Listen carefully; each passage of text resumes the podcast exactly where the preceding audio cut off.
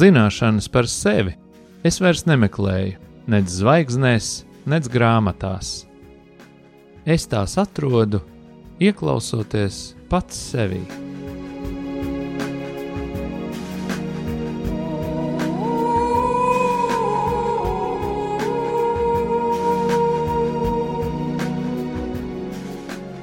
Raidījums Mīlestības terapija top mīlestības mājai, sadarbojoties ar profesionālo pastorālās konsultēšanas asociāciju. Sarunas par sevi, dzīvi, psiholoģiju un dvēseles terapiju.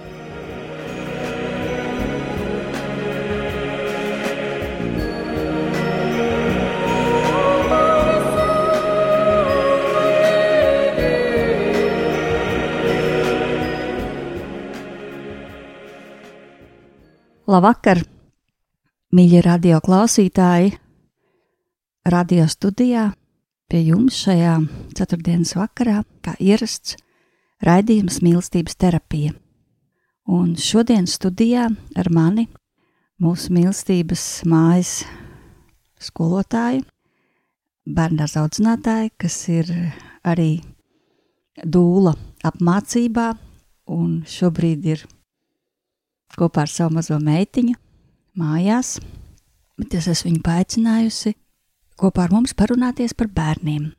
Tātad stādu jums priekšā manu mīlestības mājas kolēģi Guna Ailte. Labvakar!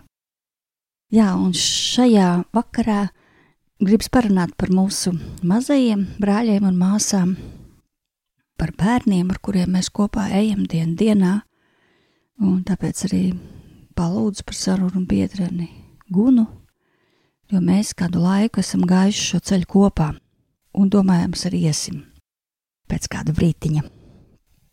Par dusmām, par bērnam ļoti spēcīgām emocijām, ar kurām mēs kā pieaugušie cilvēki varam satikties, un par to, kā mēs pieaugušie tam blakus jūtamies. Un tas nevienmēr ir viegli nonākt blakus vienam mazam bērniņam, kurš riktīgi no sirds dusmojās. Par to šodienas saruna.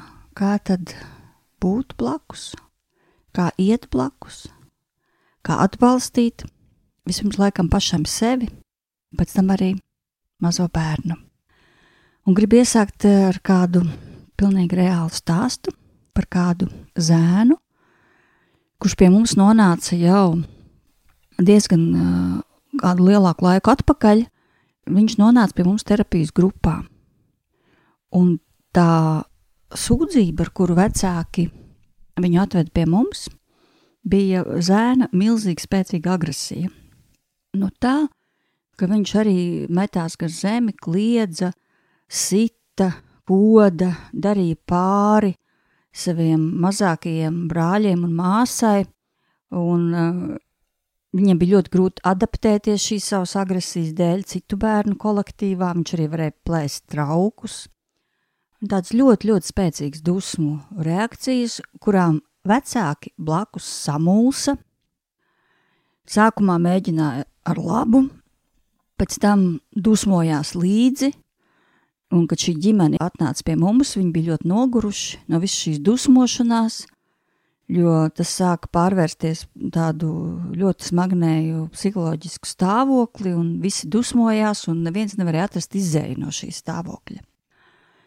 Un tad, kad šis puisītis sāk nākt uz mūsu terapijas grupu, un uh, es eh, tuvojos viņam, lai viņu labāk iepazītu, saprastu, es ieraudzīju ļoti tādu līderisku, harizmātisku, tādu bērnu, kurš ir apdāvināts ar ļoti spēcīgām, nu, tādām līdera dotībām, ar ļoti spēcīgu enerģētiku. Tādu, ka, nu, tas arī tur nāca ārā tajās dusmu lēkmēs no vienas puses, no otras puses tādu nespēju kaut kā to enerģiju, to savu spēku kaut kur likt kaut kādā tādā sakarīgā veidā, Jo visu laiku viņam bija nē, nekāp, nedari, un vispār ģimene dzīvoja nelielā dzīvoklītī, un visu laiku bija šis nedrīkst to, nedrīkst to, un viņš bija, nu, sakrājis, sakrājis šo, spēku sevi, un vienā brīdī tas sprāga, un viņš pats bija ļoti nelaimīgs. Tas bija no otras puses. No trešās puses, eh, viņa vecāki ir ļoti inteliģenti un mīloši vecāki. Tā ir ļoti laba ģimene, kas ārkārtīgi daudz iegulda savos bērnos, bet tā bērna dusmas nu, atrauj visus tos korķus abiem vecākiem vaļā. Viņi paši paliek kā bērni, un viņi sāk dusmoties līdzi, veidojas tāds dusmu karuselis, no kura neviens netiek laukā. Un šis terapijas grupa bija tikai tāds ceļa sākums. Vēlāk šis bērns nāca arī pie mums mīlestības mājas, gan bērngārzā, gan skolā. Un tas, kas palīdzēja šim bērnam, pirmām kārtām tas, ka šajā ģimenes sistēmā, kur ir ievainota, kur ir traumēta, kur ir kaut kas aizlūzis, ienāk kāda trešā persona. Šajā gadījumā sākumā mēs kā, kā terapeitiskais personāls šai terapijas grupai, vēlāk skolotājs vai bērndārza audzinātājs, ienāk trešā persona, kas dala šo spriedzi.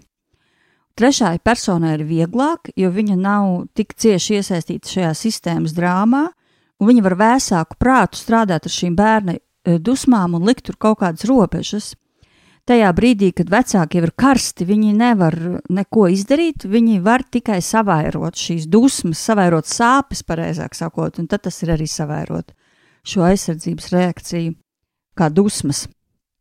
Tātad pirmām kārtām šī trešā persona, otrām kārtām vecāku tāda gudrība, kas attīstījās šajās sāpēs un ciešanās blakus bērnam, ieraudzīt šo mazo bērnu sevī, ieraudzīt šo brūci, kas atverās sevī caur šo satikšanos, jo tā ir būšana blakus ļoti spēcīgām jūtām, un tur, kur ir ļoti spēcīgs patiesas jūtas, tur atmostās blakus arī ļoti spēcīgas patiesas jūtas.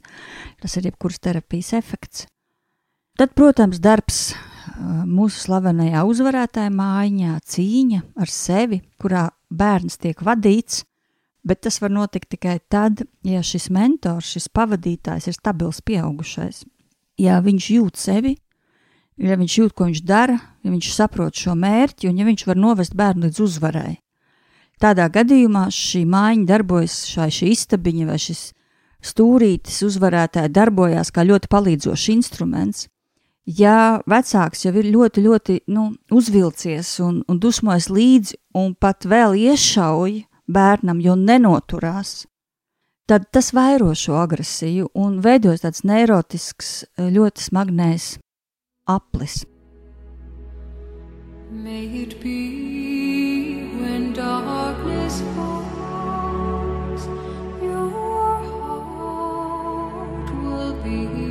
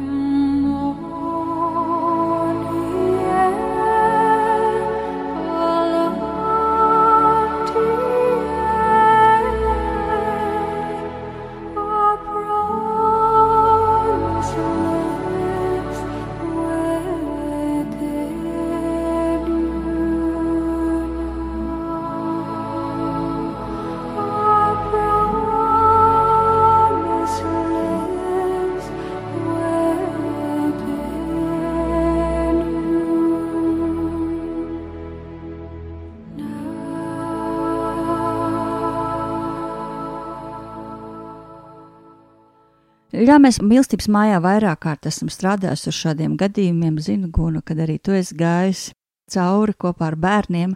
Varbūt var padalīties ar savu pieredzi, varbūt kādiem instrumentiem, kā tu esi gājuši šo ceļu.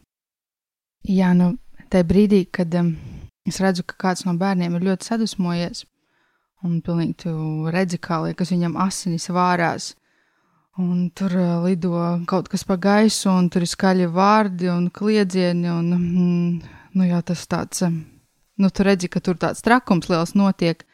Un tev arī pašā uzreiz tas, nu, tas viss mostās vaļā. Un, um, bet, lai, lai šim bērnam palīdzētu, pirmkārt, nu, jā, tā ir taisnība, ka man pašai ir jābūt mierā ar sevi. Un tā kā, kā jau pirms tam jābūt gatavai šādām situācijām.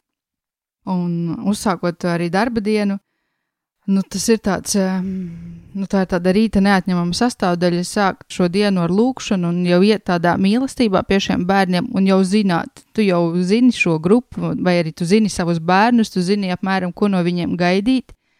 Nu, tur mainās tikai dekorācijas, bet tu zini, kā, kādas ir viņa reakcijas uz kaut kādām lietām.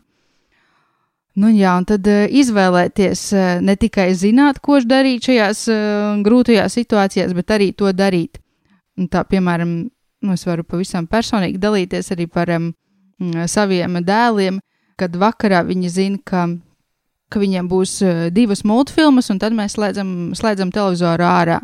Un tad vienmēr ir tādas no eņģeļu actiņas un žēlabainas lūkšanās, nu vēl vienu, vēl to trešo.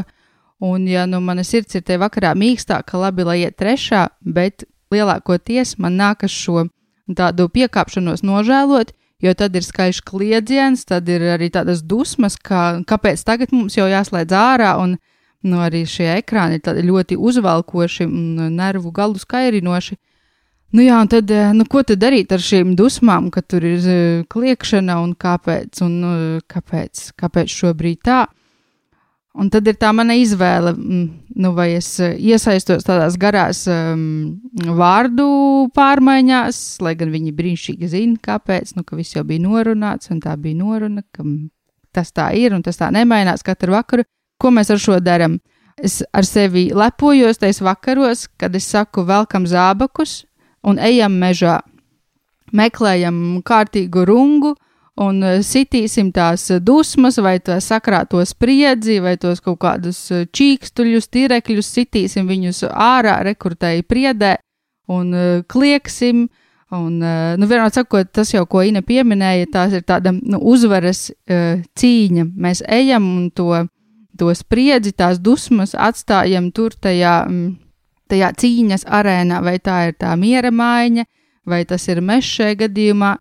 Nu, jā, un mēs ejam, un es zinu, ka maniem dēliem palīdz tā sišana, un šajā gadījumā svarīgi, jā, tā kā ielikt tās robežas, ne ka tu sit brālim, vai tu nesit uh, tētim, māsai, citiem cilvēkiem, kas tev gadās uh, ceļā, bet ka tu ej un sit, piemēram, te priedēji te tādi uh, lieli dabas aizstāvji teiks, bet tur taču vāverītes baidās un putniņi bīstās, bet, nu, tajā brīdī tāda svarīga izšķiršanās, kas tev svarīgāks, tur tā vāverīte vai tavs bērns, uh, un viņa liktenis.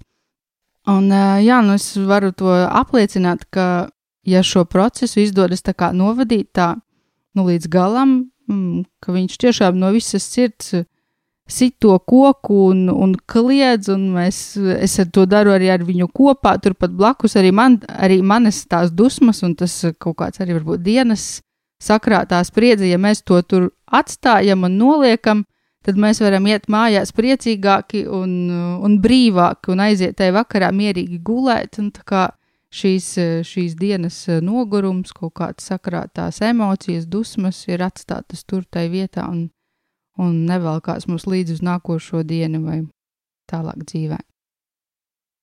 Un es pilnīgi dzirdu klausītāju tādus jautājumus vakarā uz mežu jau tā nav spēka, jau tā ir grūti, un, protams, ir lieliski, ja tur kaut kur ir mežs.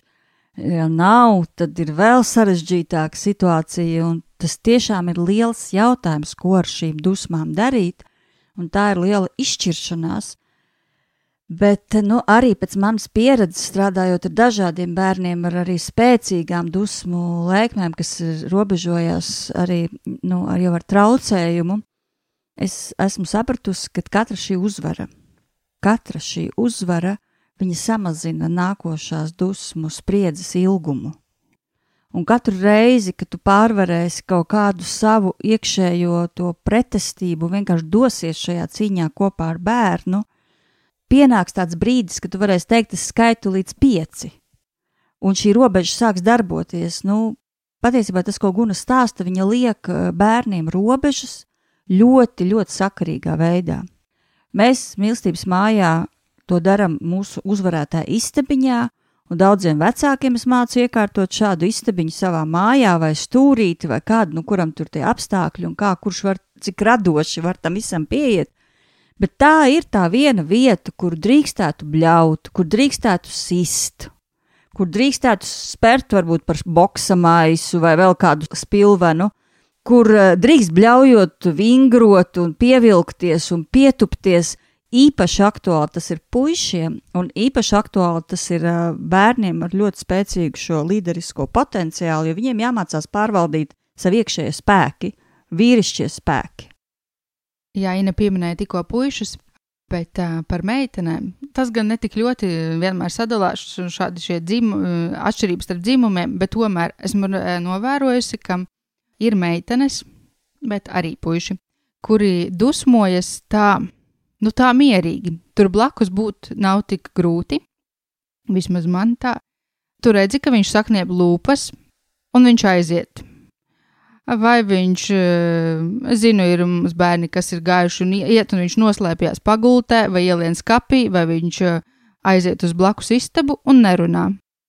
Bet tās arī ir dusmas. Tur nekas nelido, tur nekas neskan, bet tās ir ļoti spēcīgas dusmas, tikai tās tiek izdzīvotas iekšā viņas nenāk uz āru. Un uh, dažkārt uh, zinu, ka agrāk bija ļoti populārs tās teiciens, uh, viņš tikai grib tev pievērst uzmanību. Tu neej pie viņa, viņš tikai cenšas pievērst tev uzmanību, bet man liekas, šis tā kā uz šo šādi noreaģēt, ja jau viņš prasa šo uzmanību, tad iedod, ja tu esi iejūtīgs vecāks, iejūtīgs audzinātājs un meklē meklē kaut kādu ceļu, kaut kādu pavadienu, kā viņu vilkt ārā no tām saknieptajām lūpām, lai tās paliek tādas vaļīgākas un lai tomēr viņš meklē to ceļu, kā ar viņu sākt šo sarunu. Vēl vakardien mēs runājām ar kādu māmiņu, kuras um, sešgadīgais puika. Viņam mūžīgi gadās tā, ka viņam pie vakariņu galda kaut kas apgāžas, un arī šajā vakarā tā bija, ka viņam izlija piens, un tas bija, tas ir nejauši, Un uh, viņš vienkārši tur ēd un reizē spēlēs ar mazo brālīti, un viss jau tā kā tā ģimeniski jauki, bet tas, ka viņam mūžīgi kaut kas tāds neveikls atgadās, tā kā raisa šai māmiņā lielas dusmas.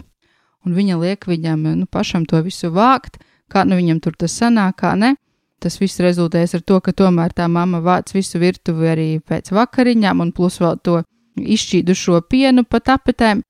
Un viņa, nu, tad, kad to visu ir izdarījusi, viņa aiziet uz istabu un viņa redz, ka tas viņas sešgadnieks sēž mierīgi un zīmē. Nu, liekas, tāds brīnišķīgs skats. Bērniņš mierīgi apsēdies zīmē, un viņa tikko vārījās tajās dusmās, bet redz, cik jauki bērniņš zīmē. Tomēr, tad, kad viņa paskatās uz to zīmējumu, ko viņa tur ierauga, tur uzzīmēts divi cilvēki, viens lielāks, viens mazāks, tā kastē, un apkārt uh, milzīgi tādi melni, tumši mākoņi un zibeņi un līdz lietus. Un šī māmiņa jautā nu, dēlam, ko tas uzzīmēs, viņš saka, ka esam mēs ar brāli, e, tā ir telts, kurā mēs esam iekšā, un apkārt tas negaiss, viņai pat nebija jājautā, nu viņa skaidri saprot, ka tās ir tās mammas dusmas, un viņa ļoti jūtas vainīga, kā viņa tā likusi savam bērniņam, ka nu, justies, kā redz, ir tāds eh, negaiss ap viņa un brāļa dzīvi. Bet nu, es viņu mierinu, ka tas man šķiet, ir, nu, tas ir normāli, tā ir normāla emocija, dusmas.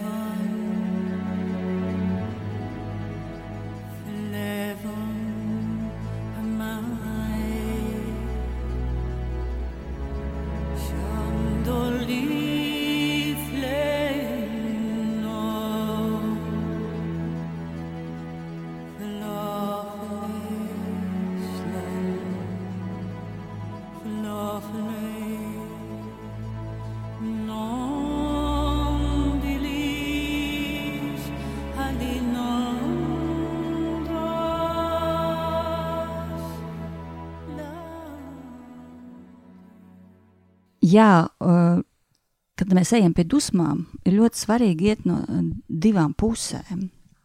No vienas puses mēs ejam, nu, liekot šo robežu, bet no otras puses ir ļoti svarīga šī satikšanās. Un, ja mēs runājam par mīlestības pedagoģiju, tad šie divi aspekti stāv visu laiku miedarbojas viens ar otru. Un runājot par šiem bērniem, kur aizvainojās, tā kā iekšēji nocietina sevi, Viņi tā kā pat varētu izstāstīt, ka viņu tas iekšējā, tā pilnīgi ķermeniski, viņiem tā kā tāds nu, nocietinās šie visi muskuļi, un viņi nedabūna šo spriedzi ārā, ja mēs nepalīdzam. Tad veidojas bērns, kurš vienā brīdī teiks, es gribu nomirt, jo viņš nevar vienkārši panest šo spriedzi. Vai veidojās um, ļoti nocietināts cilvēks, kurš vienkārši pazaudē spēju būt empātiskam Un tādēļ šīs divas lietas, gan pie vieniem, gan pie otriem, kur ir šīs spēcīgās dusmas, kur ir jāskrien apkārt mājai, kur vai kur jāiet miera mājā izkliekties, un ir šie bērni, kur aizvainojās, abi prasa tādu mūsu pieaugušā cilvēka iedarbošanos, lai viņi paši varētu iemācīt pārvaldīt šos visus savus iekšējos stāvokļus. Bērni paši nedz no agresīvas dusmošanās lēkmes, nedz no tādas aizvainošanās stāvokļa iziet nevar. Viņiem esam vajadzīgi mēs pieaugušie, pie kam tas centrālais atslēgu vārds ir līdzsvars. Līdzsvars tajā, kad mēs aicinām viņam cīnīties pašam, arī ar tiem aizvainojumu. Tas aizvainotājs atnāca atkal pie tevis, jā, gan aktivizēt bērnā spēkus, uzvarēt pašam, un reizē runāt par to, kā tad viņš vispār var uzvarēt, un kāpēc vajag uzvarēt un kāpēc nav labi šajā aizvainojuma punktā iestrēgt uz ilgiem gadiem. Un kad vispār tāda opcija pastāv, kad bērni var iestrēgt uz ilgiem gadiem aizvainojumā, droši vien paskatoties uz savu dzīvi, mēs e, redzam, ka arī mēs varbūt esam iesprūduši kaut kādos aizvainojumos, kas velkās gadiem, un viņi traucē mūsu ikdienai. Tad, ja mēs strādājam ar viņiem šādā veidā, runājam, vedam šādas sirds sarunas un reizē aicinām viņus šajā cīņā, pašiem ar šīm ievainotajām daļām sevī, mēs audzinām emocionāli un garīgi inteliģentu cilvēku. Cilvēku, kas būs nākotnē pārmaiņu nesējs. Cilvēku, kas būs mentors, kas būs labs līderis, kas spēs iekšēji pārvaldīt savus iekšējos resursus. Bet no kā tad viss sākas? Nu jā, kā jau mēs sākumā runājām, Lai palīdzētu bērnam, tev jābūt tādā dziļā miera stāvoklī pašam ar sevi, jābūt mierā ar sevi, lab, jābūt tādā labā saslēgumā ar savām jūtām, viņas jāprot nosaukt vārdos. Svarīgi, ka tev varbūt ir uh, kādā diennakts laikā mirklis klusuma un vienkārši tiešām pajautāt sev, kā es šodien jūtos, kāda bija mana diena, ko es sagaidu no rītdienas, ka tu nesi tādā nepārtrauktā skrējienā, bet ka tev ir mirklis klusuma, mirklis uh, laika mirklis sev, lai, lai tu būtu tāds, ka tev, ir, ka tev ir kaut kas, ko iedot arī citiem, iedot arī saviem bērniem, savai ģimenei. Jā, bērni mācās atdarinot. Un viņi vispirms mācās no tā, kā tu pārvaldi sevi. Un tas, ko es saku saviem skolotājiem, un droši vien saku arī vecākiem, kuri nāk, tu pats uzvilktā stāvoklī nevari nevienu atvest mierā. Tas nav iespējams notiek šī neirotiskā tāda ķēde, kur mēs viens otru aplapinam ar dažādām smagām, nu, dusmīgām, vai negatīvām, vai spītīgām, vai arī aizvainojumu piepildītām jūtām. Un tad, ja mēs visi tur iestrēgstam šajā stāvoklī, tad tajā nav izējas. Izēja sākas no tevis, tu meklē sevi, kad tu trenējies eh, pārvaldīt sevi, un ka tu šo dāvanu dod tālāk saviem bērniem. Tādā veidā vairojot labo.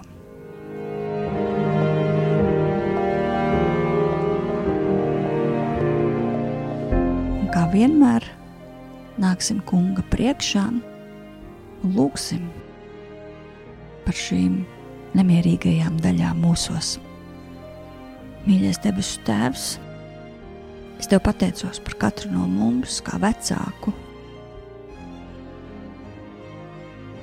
Palīdz šajā brīdī mums kļūt par trauku, kas ir atvērts tev, par trauku, kurš saņem, Mēs gribam iestāties par uh, tām nenobriedušajām daļām, mūsos pašos, par šīm nemierīgajām daļām, par tām daļām mūsos, par tām dvēseles daļiņām, kuras varbūt ir iesprūdušas kādā aizvainojumā vai kādās nepārvarētās dusmās, viņas paliek ļoti dzīves blakus mūsu bērna dusmām. Mēs gribam lūgt vispirms paši par sevi. Es arī lūdzu, kungs, tādu īpašu tēva apstiprinājumu katrai šai vietai, katrai šai ievainotajai vietai, kā mēs varam satikt sevi, ielaist tavu garu sevī, un caur mums, lai šis gars nāk arī pie mūsu bērniem. Dod mums gudrību, trenēt savus bērnus tādā sociālā meistarībā, paškontrolas spējās, ka mūsu bērni aug garīgi stipri, patiesi garīgi bērni. Kā mēs arī atrodam īstos vārdus, lai runātu pēc tam, kad kaut kas varbūt ir noticis pārākās, lai mēs spējam godīgi apsēsties un pastāstīt bērniem par savu ceļu, par savām grūtībām, par savām cīņām, lai mēs esam godīgi.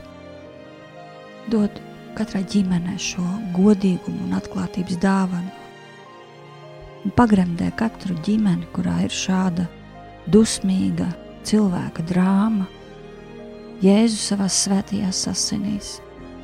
Lai tavas svētās asins ir tās, kas mazgā, šķīsta, atbrīvo, dziedina un dara visu jaunu.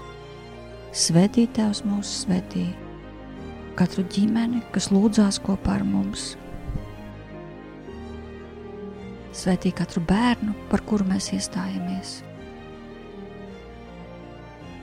mūsu pieaugušos bērniem blakus.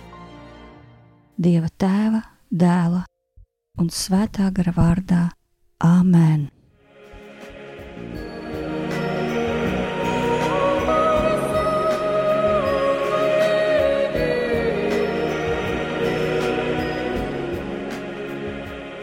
Jūs klausījāties raidījumu mīlestības terapija.